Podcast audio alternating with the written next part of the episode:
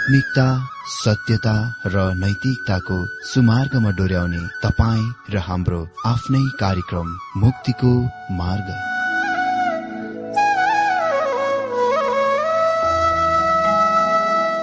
आदरणीय श्रोता यस मुक्तिको मार्ग कार्यक्रममा हार्दिक स्वागत छ। आशा छ यस आत्मिक कार्यक्रमद्वारा जीवनमा आत्मिक आशिष अलौकिक शान्ति र आनन्द प्राप्त गर्नुहुनेछ। र जीवनमा धन्य अनुभव गर्नुहुनेछ। आउनुहोस् श्रोता।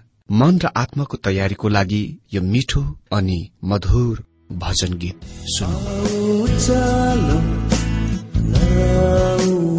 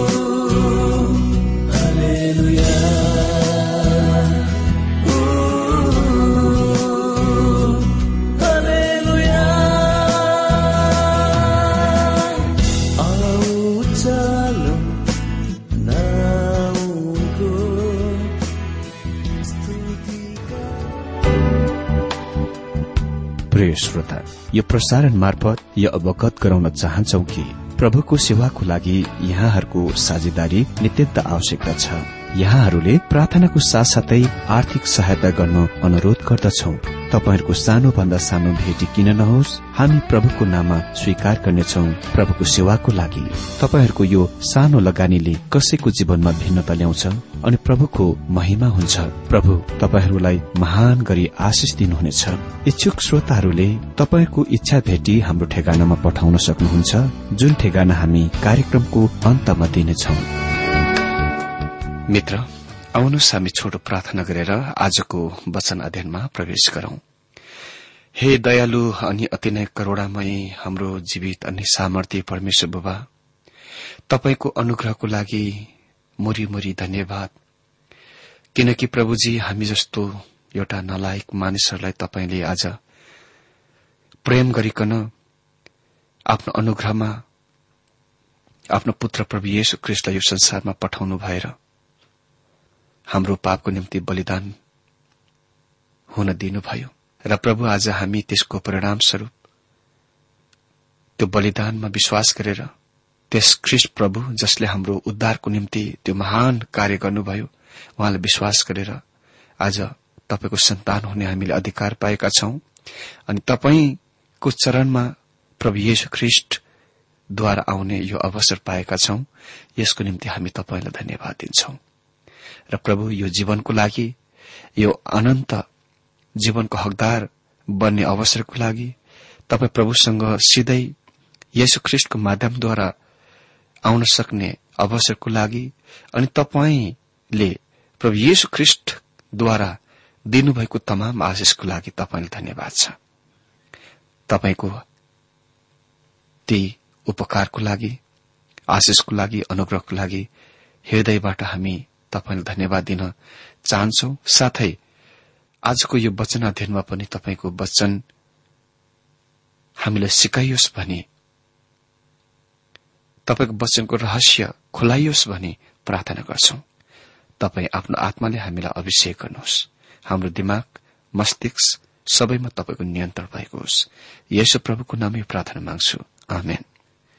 मित्र अघिल्लो दिनमा हामीले यस विषयबाट वचन देखिरहेका थियौं थुमाको विवाह र विवाह बोझ आज हामी देख्नेछौ प्रकाश उन्नाइस अध्याय एघार पददेखि सोह्र पदबाट।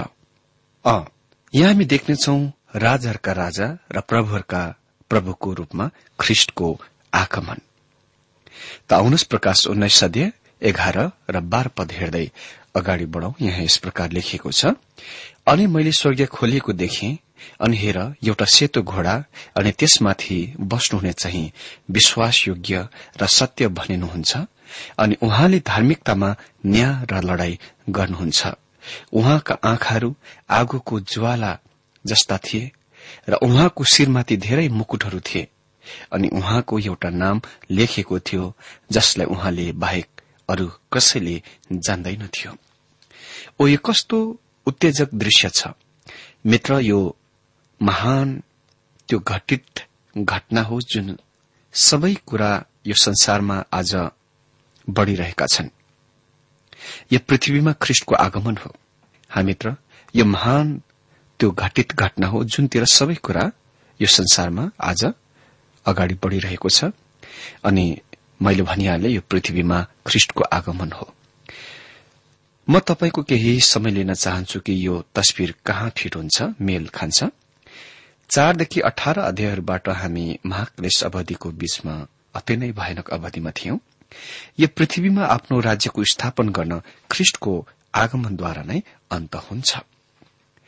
अतीतमा भूतमा भविष्यको सम्बन्धमा अति नै सिधा सादा सरल विचार र अभिप्राय रहेको थियो जुन अझै बाइबलका केही विद्यार्थीहरूद्वारा विचार गरिन्दछ त्यो यो हो एक दिन प्रभु येशु ख्रिष्ट आउन गइरहनु भएको छ र सम्पूर्ण मरेकाहरू ब्युति उठ्नेछन् र असल मानिसहरू एकापट्टि राखिनेछ र खराब मानिसहरू अर्कोतिर राखिनेछ।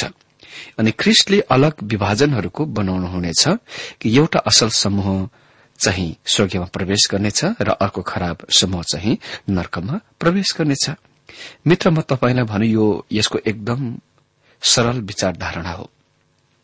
तपाई यो पृथ्वीको लागि उहाँसँग योजना र कार्यक्रम छ भन्ने तथ्यको बारेमा सचेत नभइकन अनि थाहा नगरिकन र उहाँ त्यसको एकदम होसियार साथ पछ्याइरहनु भएको छ भन्ने कुराको थाहा नगरिकन परमेश्वरको वचनको अध्ययन गर्न सक्नुहुन्न। त्यो कार्यक्रम जुनको हामीले रूपरेखा दिइसकेका छौं कि जुनले यो प्रकट गर्दछ उहाँको राज्यको स्थापन गर्नभन्दा ठिक पहिले महाक्लेशको अन्तमा वा त्यसको अन्त स्थान लिनेछ। उहाँको पहिलो आगमनको ठिक विपरीतको विस्मयजनक अचम्मको छ। यो बिल्कुल उल्लेखनीय छ। ख्रिष्टको पहिलो आगमनमा जर्ज म्याकडोनाल्डले यसरी अंग्रेजी कवितामा प्रस्तुत गर्दछन् जुनको म अनुवाद गर्न यहाँ चाहन्छु। तिनीहरू सबैले राजाको बाटो हेरिरहेका थिए। ताकि तिनीहरूका शत्रुहरूलाई नष्ट गरियोस् र तिनीहरूलाई मुक्त गरी माथि उच्चमा उठाइयोस्। तर तपाई सानो बालकको रूपमा आउनुभयो जुनले स्त्रीलाई रुने बनायो। त्यही नै तरिकामा उहाँ पहिलोपल्ट पृथ्वीमा प्रवेश गर्नुभयो। उहाँ नम्र र दिन हुनुहुन्थ्यो। उहाँ उद्धारकर्ता हुनुहुन्थ्यो जो पापीहरूको लागि मर्नुभयो। अहिले यो हाम्रो सामनेका पदहरूमा हामी उहाँलाई आफ्नो महान महिमामा आइरहेको देख्छौ। उहाँको आगमन पापपूर्ण संसारमाथि परमेश्वरको क्रोधको अन्तिम प्रकटन हुनेछ। शैतान प्रेत आत्माहरू र मानिसहरूको विद्रोहको अन्त गरिन्दछ र दण्ड दिइन्दछ। उहाँले धार्मिकतामा आफ्ना राज्यको स्थापन गर्नभन्दा पहिले सम्पूर्ण अधार्मिकताको नष्ट गर्नुहुनेछ। स्वर्गीय प्रकाश चार अध्यय एक पदमा खोलिन्दछ जहाँ युवाना चर्चको प्रतिनिधिको रूपमा स्वर्गीयमा प्रवेश गर्दछन् जहाँ उसले प्राचीनहरू अर्थात धर्मगुरूहरू अर्थात यसको मतलब चर्च त्यहाँ पहिले भएको देख्छन् अनि प्रकाश उन्नाइस अध्यायमा ख्रिष्ट बाहिर निस्कि आउन आउनुहुन्छ र निस्कि आउनलाई स्वर्ग खोलिन्दछ उहाँले सवार गर्ने सेतो घोडा वास्तवमा युद्धको जनवार हो। जब येशु पृथ्वीमा हुनुहुन्थ्यो उहाँ यरुसलेममा सानो गधा बछेडामा सवार गर्नु भएर जानुभयो जुन चाहिँ राजाहरूको जनवार हो। र यसले युद्धको होइन तर शान्तिको सूचित गर्दछ। उहाँलाई विश्वासयोग्य भनिएको छ किनभने उहाँ परमेश्वरको लामो समयको कार्यक्रमको कार्यान्वित गर्न सम्पादन गर्न आउनु भएको छ। गिल्ला गर्नेले भनेका कुराहरूको याद गर्नुहोस् जसले भने उहाँको आगमनको चिन्ह कहाँ छ? यस पोइन्टमा बिन्दुमा त्यहाँ कुनै चिन्ह छैन। तर बरू उहाँ नै यहाँ हुनुहुन्छ। उहाँले त्यसको असल गर्नुभएको छ पूरा गर्नुभएको छ। उहाँ विश्वासयोग्य हुनुहुन्छ। उहाँ नै एक हुनुहुन्छ जसलाई तपाईँ र म भरोसा गर्न सक्छौ र उहाँमाथि आश्रित हुन सक्छौ। उहाँलाई सत्य भनिएको छ किनकि उहाँ स्वभावले नै सत्य हुनुहुन्छ। उहाँ खालि सत्य भन्ने मात्र हुनुहुन्न। यद्यपि उहाँले त्यो गर्नुहुन्छ। उहाँ सत्यको स्तरहरूको विभाग कार्यालय पनि हुनुहुन्छ। उहाँ सत्यको नाप्ने टाँगो वा माप हुनुहुन्छ। वा सत्य हुनुहुन्छ। ओ मित्र आज हाम्रो यो दिनमा त्यस्तो मानिसलाई पाउने कुरा कति अद्भुत कुरा हो जसमा हामी भरोसा गर्न सक्छौ र विश्वास गर्न सक्छौ र आश्रित हुन सक्छौ। उहाँ न्याय र लड़ाई गर्न आउनु भएको छ। फेरि क्रुसमा मर्नलाई होइन। यो कुरा हामीले बुझ्नुपर्छ। अहिले उहाँका आँखाहरू आगोको ज्वाला जस्तै थिए। पछाडि एक अध्यय चौध पदमा हामीले देख्यौं कि मण्डलीहरू वा चर्चहरूको बीचमा न्याय गर्दै हिँडिरहनु भएको बेला उहाँका आँखाहरू आगोको ज्वाला जस्तै थिए। तर अहिले यहाँ बेग्लै छ। उहाँका आँखाहरू आगोको ज्वाला थिए। किनभने उहाँ पृथ्वीलाई दण्ड दिन न्याय गर्न र त्यसका सम्पूर्ण अधार्मिकताको अन्त गर्न आउनु भएको छ। उहाँको शिरमाथि धेरै मुकुटहरू थिए। यसले यो संकेत गर्दछ उहाँ यो पृथ्वीको खास प्रमुख शासक हुनुहुनेछ अनि उहाँको शासन तानासा प्रकारको हुन गइरहेको छ। यो बिल्कुल पक्का हो। मेरो मित्र यदि तपाईँ येशु ख्रिस्टलाई प्रेम गर्नुहुन्न भने यदि उहाँ तपाईँको उद्धारकर्ता हुनुहुन्न भने र तपाईँ यो पृथ्वीमा उहाँको आगमनको अवधिमा प्रवेश गर्न जीवितै रहनुहुन्छ भने यो तपाईँको निम्ति सबभन्दा नमजाको अवधि हुन गइरहेको छ। किनभने ख्रिस्ट ताना शाह डिक्टेटर हुन गइरहनु भएको छ। उहाँको अनुमति बेगर चल्लाहरू कराउने छैन भाले बाँच्ने छैन र मानिसहरू हिँडुल गर्न सक्ने छैन। उहाँ राजाहरूको राजा र प्रभुहरूका पनि प्रभु हुनुहुन्छ। अनि उहाँको एउटा नाम लेखिएको थियो जसलाई उहाँले बाहेक कसैले जान्दैनथ्यो यो कुन नाम हो जुन उहाँ बाहेक कसैले जान्दैनथ्यो उहाँलाई यहाँ चार नामहरू दिइएका छन्। जुन सुसमाचारहरूसँग मिल्दोजुल्दो वा अनुरूप छ।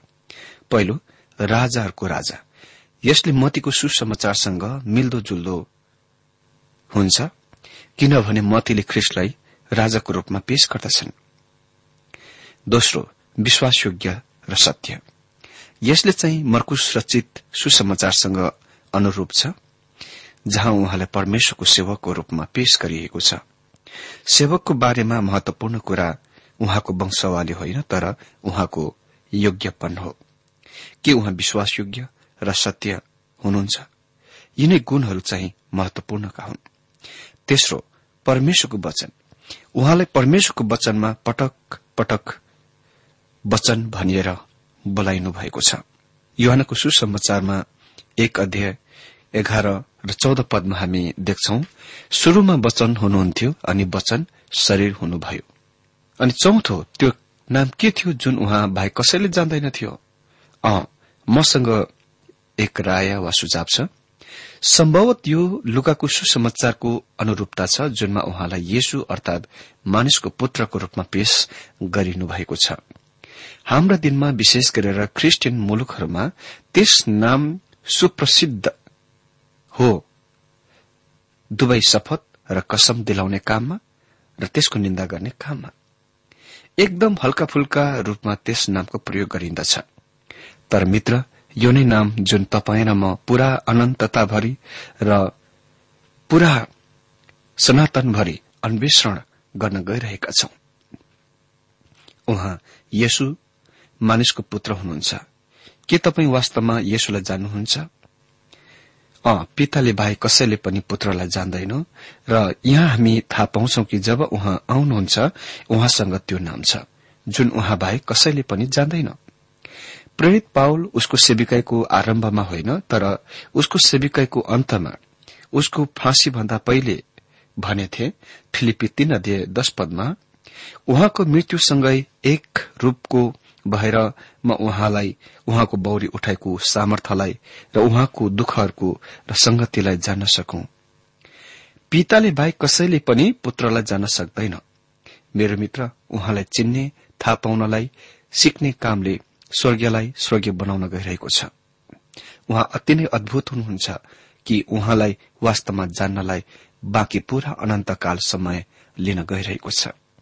मित्र हामीले भेट्ने मानिसहरू त्यति मजाको हुँदैनन् जब हामी तिनीहरूलाई थाहा पाउँछौ। तर जति धेरै हामी यसोलाई जान्दछौ त्यति नै धेरै उहाँ मजाको हुनुहुनेछ। योहना चौध अध्यय सात र नौ पदमा हामी पढ्छौ तिमीहरूले मलाई चिनेका भए मेरा पितालाई पनि चिनेका हुन्थ्यो। अनि अबदेखि उसो तिमीहरू उहाँलाई चिन्छौ अनि उहाँलाई देखेका छौ। येशुले तिनलाई भन्नुभयो यतिका समयसम्म म तिमीहरूसँग सँगै रहे। अनि अझै पनि तिमीले मलाई चिनेका छैनौ फिलिप। जसले मलाई देखेको छ उसले पितालाई देखेको छ। अनि हामीलाई पिता देखाइदिनुहोस् भनी तिमी कसरी भन्छौ। त्यसपछि फेरि प्रधान पुजारीय प्रार्थनामा ख्रिस्टले प्रार्थना गर्नुभयो। युहन सत्र अध्यय तीन पदमा अनि तिनीहरूले तपाई एकमात्र सत्य परमेश्वरलाई र तपाईँले पठाउनु भएको येशु ख्रिष्टलाई चिनुन् र अनन्त जीवन यही हो। जब हामी ख्रिष्ट कहाँ आउँछौ र उहाँलाई पापबाट हाम्रा उद्धारकर्ताको रूपमा ग्रहण गर्छौं हामी अध्ययन गर्न र सिक्न आरम्भ गरेका हुन्छौं। जब हामी उहाँलाई थाहा पाउन वा जान्न चिन्न शुरू गर्छौं हामी नर्सरी स्कूलमा हुन्छौं।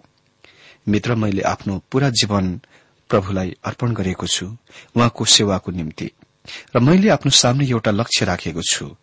म यसोलाई अहिले जति जान्दछु त्योभन्दा अझ अधिक धेरै जान्न र चिन्न चाहन्छु। म हरेक बिहान उठ्दछु र झ्यालबाट बाहिर हेर्दछु अनि त्यो हिउँदको समयमा कुइरोले ढाकिएको हुन्छ। तर म भन्छु प्रभु मलाई अर्को दिनमा ल्याउनु भएको लागि तपाईँलाई धन्यवाद। म तपाईँलाई प्रेम गर्छु। प्रभु येशु म तपाईँलाई प्रेम गर्छु।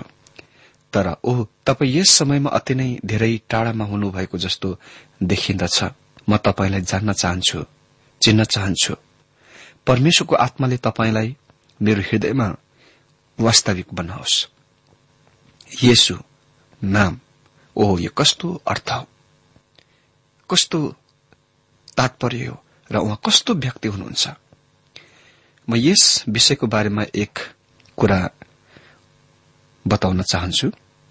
हामी पूरा अनन्तताभरि प्रभुलाई केवल अझै राम्ररी थाहा पाउन र चिन्ने जान्ने मात्र छैनौं।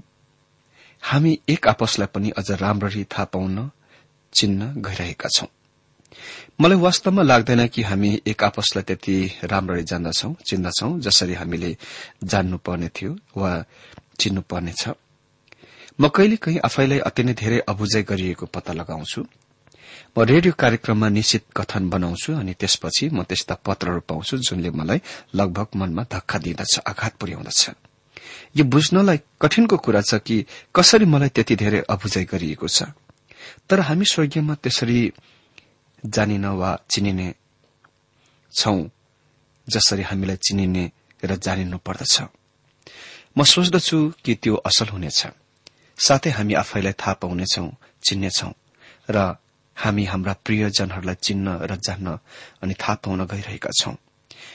एक समयको कुरो हो कि म आफ्नो विरामबाट पूर्ण पुनः स्वास्थ्य आर्जित गर्न विस्तारमा आराम गरिरहेको थिएँ। म आफ्नो पत्नीसँग ओछ्यानमा बसेर धेरै बेरसम्म कुराकानी गर्न र एक आपसमा अझ धेरै आत्मीय सम्बन्धमा मजबूत हुन योग्य बनायो। त्यो एकदम अद्भुत कुरा थियो। तिनले सालौंदेखि मेरो निम्ति गरेको बलि वा त्याग र विश्वासयोग्यताको मैले आविष्कार गरे पत्ता लगाएँ। अनि म सोच्दछु कि म वास्तवमा तिनीसँग स्वर्गीयमा झन् धेरै घनिष्ठ हुन र चिर परिचित हुन गइरहेको छु। मेरो मित्र स्वर्गीय कति महिमित हुन गइरहेको छ। अरू त के? यो यहाँ तल संसारिक जीवनमा हामी यो पत्ता लगाउँछौ कि जब हामी ख्रिष्टको लागि हाम्रो प्रेममा बढ़छौं हामी एक अर्काको लागि हाम्रो प्रेममा पनि बढ़छौं। अहिले उहाँको आगमनमा ख्रिष्टको अधिक धेरै वर्णनको देख्नेछौ। पद तेह्रदेखि सोह्र पदमा हामी पढ्छौं। यस प्रकार लेखिएको छ। अनि उहाँले रगतमा चोपिएको पोसाक पहिरिनु भएको थियो अनि उहाँको नाम परमेश्वरको वचन भनिन्छ। अनि सेता र शुद्ध मिहिन मलमलका वस्त्र पहिरेका स्वर्गीयमा भएका सेनाहरू सेता घोड़ाहरूका र सेता घोड़ाहरूमा उहाँको पछि पछि लागे। अनि यही तरवारले उहाँले जाति जातिलाई हिर्काउन् भनेर उहाँको मुखबाट एउटा लाग्ने तरवार निस्कन्छ अनि उहाँले फलामको डण्डाले तिनीहरूमाथि शासन गर्नुहुनेछ अनि उहाँले सर्वशक्तिमान परमेश्वरको बाहेन क्रिस र क्रोधको मध्यको कोल कुल्ची मिल्ची गर्नुहुनेछ अनि उहाँको पोषक र उहाँको तिग्रामा राजाका राजा र प्रभुहरूका प्रभु भन्ने एउटा नाम लेखिएको छ। यो कुराको ध्यान दिनुहोस् कि उहाँको पोषकमा रगत लागेको थियो जब उहाँले परमेशको क्रोध र प्रचण्डताको अंगुरको रस निकाल्ने कुलको कुल्चेन्नुभयो यस तस्विरले हामीलाई पछाडि यसैया त्रिसठ अध्याय एकदेखि छ पतिर लान्छ जुनको हामीले अघि नै उद्धत गरेका छौं। निश्चय नै यसले ख्रिस्टको पहिलो आगमनको संकेत गर्दैन तर उहाँको दोस्रो आगमनको संकेत गर्दछ जुन यहाँ प्रकाश उन्नाइस अध्यायमा उद्धत गरिएको छ। अनि उहाँले फलामको डण्डाले तिनीहरूमाथि शासन गर्नुहुनेछ। यसले हामीलाई पछाडि भजन संग्रह दुई अध्यायतिर लाँदछ। अनि भजन संग्रह दुई अध्याय छदेखि नौ पदमा लेखिएको छ मैले आफ्नो पवित्र पर्वत सियोनमा मेरो आफ्नो राजालाई नियुक्त गरेको छु। परमप्रभुको यो आदेश म घोषणा गर्नेछु। उहाँले मलाई भन्नुभयो तिमी मेरो पुत्र हौ। आज मैले तिमीलाई जन्माएको छु। मसँग माग र म जातिहरूलाई तिम्रो उत्तराधिकार तुल्याइदिनेछु। र समस्त पृथ्वी तिम्रो निजी सम्पत्ति तुल्याइदिनेछु। फलामको राजदण्डले तिमीले तिनीहरूमाथि शासन गर्नेछौ र कुमालेको भाडालाई झैं तिमीले तिनीहरूलाई चकनाचुर पार्नेछौ। उहाँको दोस्रो आगमनमा उहाँको क्रोधको सन्ताप उहाँको पहिलो आगमनमा उहाँको नम्रताको ठिक विपरीतमा छ। तर पनि दुवैमा थुमाको क्रोध प्रकट भएको छ। स्वर्गीयमा भएका सेनाहरू निश्चय नै स्वर्गीय दूतहरूका जमात हो जो उहाँको आदेश र निर्देशनको मुनि कार्य गर्दछन्। त्यसपछि निम्न पदहरूमा देख्छौ आर्मगदोनको युद्ध। अहिले हामी आर्मगदोनको युद्धको अन्ततिर आउँदछौ अनि यसले अन्तिम युद्धको अन्त गर्दछ। सत्र र अठार पदमा भनिएको छ अनि मैले एउटा स्वर्गीय दूतलाई घाममा उभिरहेको देखे अनि तिनले ठूलो स्वरले आकाशको बीचमा उड्ने सबै चराहरूलाई यसो भन्दै कराए महान परमेश्वरको भोजमा आओ र भेला हौ कि तिमीहरूले राजाहरूको मासु मुख्य कप्तानहरूको मासु शक्तिशाली मानिसहरूको मासु घोडाहरू र तीनमाथि बस्नेहरूको मासु साथै स्वतन्त्र र कमरा ठूला र सानो सबैको मासु खाऊ। यहाँ हामी देख्छौ यदि शास्त्रको पानामा पढ्नलाई कुनै राजद्रोही छ भने त्यो यो नै हो। तपाईँले थाहा पाउनुहुनेछ कि परमेश्वरले त्यसको उहाँको वचनको अन्ततिर हामीलाई यो कुराको याद दिलाउन सामेल गर्नुभएको छ। कसरी उहाँप्रति राजद्रोह र अनज्ञाकारिता शरीरका कार्यहरू हुन्? शरीरमा रहने मानिसहरू तिनीहरूकै शरीरले नष्ट गर्नेछ। यो आकाशका पंक्षीहरूलाई गिद्धहरूलाई पृथ्वीमा मरेका लाशहरूको आनन्द भोग गर्न खानलाई निमन्त्रण हो। जहाँ तिनीहरूले हरेक प्रकारका मानिसहरूका लाशहरूको मासु खान पाउनेछ। अरू त के पद अठार अनुसार हामी देख्छौ कि तिमीहरूले राजाहरूको मासु मुख्य कप्तानहरूको मासु शक्तिशाली मानिसहरूको मासु घोडाहरू र तिनीहरूमाथि बस्नेहरूको मासु साथै स्वतन्त्र र कमारा ठूला साना सबैको मासु ख। मित्र परमेश्वरको विरूद्ध विद्रोह गर्न भएन कुरा हो। किनभने कुनै दिन तपाईँलाई उहाँले न्याय गर्न गइरहनु भएको छ। यस दृश्यले मानिसको हृदयको र मानिसको हृदय वास्तवमा कति भयानक छ। डरलाग्दो छ भ्रष्ट छ सो कुराको प्रकट गर्दछ।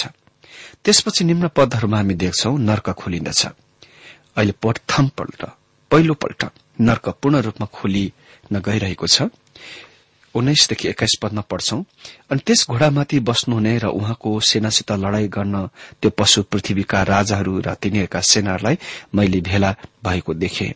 अनि त्यो पशु पक्राउ पर्यो र त्यसको साथमा झुटा भविष्य वक्ताहरू पनि जसले त्यसका सामु चिन्हहरू देखाउँथ्यो जसद्वारा यसले त्यस पशुको निशान लिनेहरू र त्यसका मूर्तिको पूजा गर्नेहरूलाई धोका दिन्थ्यो। यी दुवै गण्डकले जलिरहेको आगोको झिलमा जिउँदै फालिए अनि बाँकी रहेकाहरू चाहिँ घोडामाथि बस्नुहुनेको तरवारले मारिए जुन तरवार चाहिँ उहाँको मुखबाट निस्कन्थ्यो अनि सबै चराहरू तिनीहरूका मासुले अघाए। यो कस्तो भयानक र डरलाग्दो तस्विर छ मित्र। पशु र झुट्टा भविष्य वक्ताले अन्त समय परमेश्वरको विरोध र निन्दा गर्दछ। तिनीहरू परमेश्वरको पुत्रसँग युद्ध गर्न साहस गर्छन्। निश्चय नै स्वर्गीयमा विराजमान गर्नुहुने तिनीहरूका प्रयत्नहरूका बिल्कुल व्यर्थतामा उहाँ हाँस्नुहुन्छ। यो अनर्थक हो कि त्यहाँ परमेश्वरको विरूद्ध मानिसको त्यस्तो विद्रोह छ। परिणाम अभंश भाम्बी छ। दुई मुख्य विद्रोही र निष्ठुर उपद्रवीहरू ख्रिस विरोधी र झुट्टा भविष्यवक्ता नर्कमा फालिने प्रथम दुई व्यक्तिहरू हुन्। शैतानले त्यहाँ अझसम्म हालिएको छैन। अनि प्रश्न उठ्छ के आगोको झील साँच्चीकै अक्षरस हो वा साँच्चीकै हो? अमित्र सोच्नलाई म केही कुरा दिन चाहन्छु किनभने म यस विषयमा फर्की आउन गइरहेको छु जब हामी प्रकाश बीस अध्यायमा प्रवेश गर्छौं। यदि नर्क साँच्चीकै नभए यसले त्यसको तस्विर दिन्छ जुन साँच्चीकै गन्धक भन्दा खराबको छ। तरवार चाहिँ उहाँको मुखबाट निस्कन्दथ्यो तरवार के हो? त्यो तरवार परमेश्वरको वचन हो जुन शास्त्रले स्पष्ट पार्दछ। हिब्रू चारको बाह्र पदमा हामी पढ्छौं किनकि परमेश्वरको वचन जिउँदो प्रभावशाली र दुईधारे तरवार भन्दा पनि लाग्ने हुन्छ जसले प्राण र आत्मालाई जोड्नी जोड्नी र मासीलाई पनि अलग अलग पार्ने गरी छेड्दछ। र हृदयका विचार मनसाहरू छुट्याउने हुन्छ।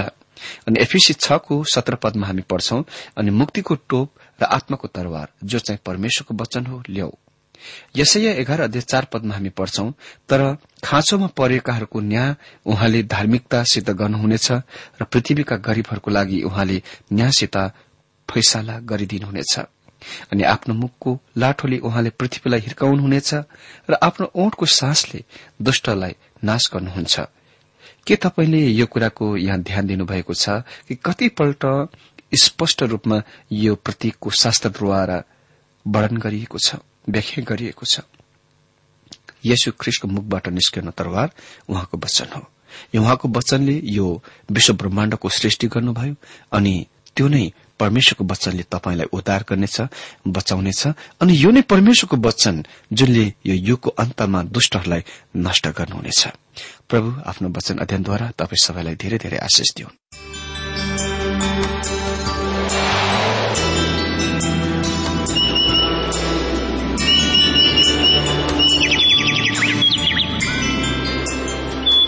प्रिय श्रोता अहिले भर्खरै तपाईँले टीडब्ल्यूआर नेपालद्वारा संचालित आत्मिक कार्यक्रम मुक्तिको मार्ग सुनिरहनु भएको थियो। श्रोता आजको यो कार्यक्रम सुनेर तपाईँलाई कस्तो लाग्यो? यदि यो कार्यक्रम सुनेर मनमा कुनै खुल्दुली वा कुनै प्रतिक्रिया अर्थात सुझावहरू छन् भने हामीलाई पत्रद्वारा लेख्न सक्नुहुनेछ। हामी हृदयदेखि नै स्वागत गर्नेछौ स्वीकार गर्नेछौ साथै बाइबल सम्बन्धित प्रचारहरू कार्यक्रम सारणीहरू हामी अनुरोधमा पठाउन सक्छौ। अनि तपाईँसँग कुनै प्रार्थनाको विषय छन् भने हामीले तपाईँको लागि प्रार्थना गरेको चाहनुहुन्छ। हुनुहुन्छ भने प्रभुमा आफ्नै परिवार सम्झेर हामीलाई पत्रमा लेख्न सक्नुहुनेछ। तपाईँको लागि हामी प्रभु येशुसँग प्रार्थना गर्नेछौ। अधिक जानकारी र पत्रचारको लागि हाम्रो ठेगाना यस प्रकार छ। कार्यक्रम मुक्तिको मार्ग जीपीओ नम्बर उनानब्बे पचहत्तर इपिसी पच्चिस एकसठी काठमाडौँ। ठेगाना एकपल्ट सुन्नुहोला। कार्यक्रम मुक्तिको मार्ग जीपीओ नम्बर उनानब्बे पचहत्तर इपिसी पच्चिस एकसठी काठमाडौँ। हाम्रो इमेल एड्रेस हो TWR Nepal at Yahoo dot com. साथै यस नम्बरमा एसएमएस गर्न सक्नु सक्नुहुनेछ अन्ठानब्बे चार सत्तरी पैतिस छ सय उनासी नौ आठ चार सात जिरो तीन पाँच छ सात नौ। हुन्छ श्रोता आजलाई हामी विदा चाहन्छौ। अर्को कार्यक्रममा हामी पुनः भेट्नेछौ तबसम्मलाई नमस्कार।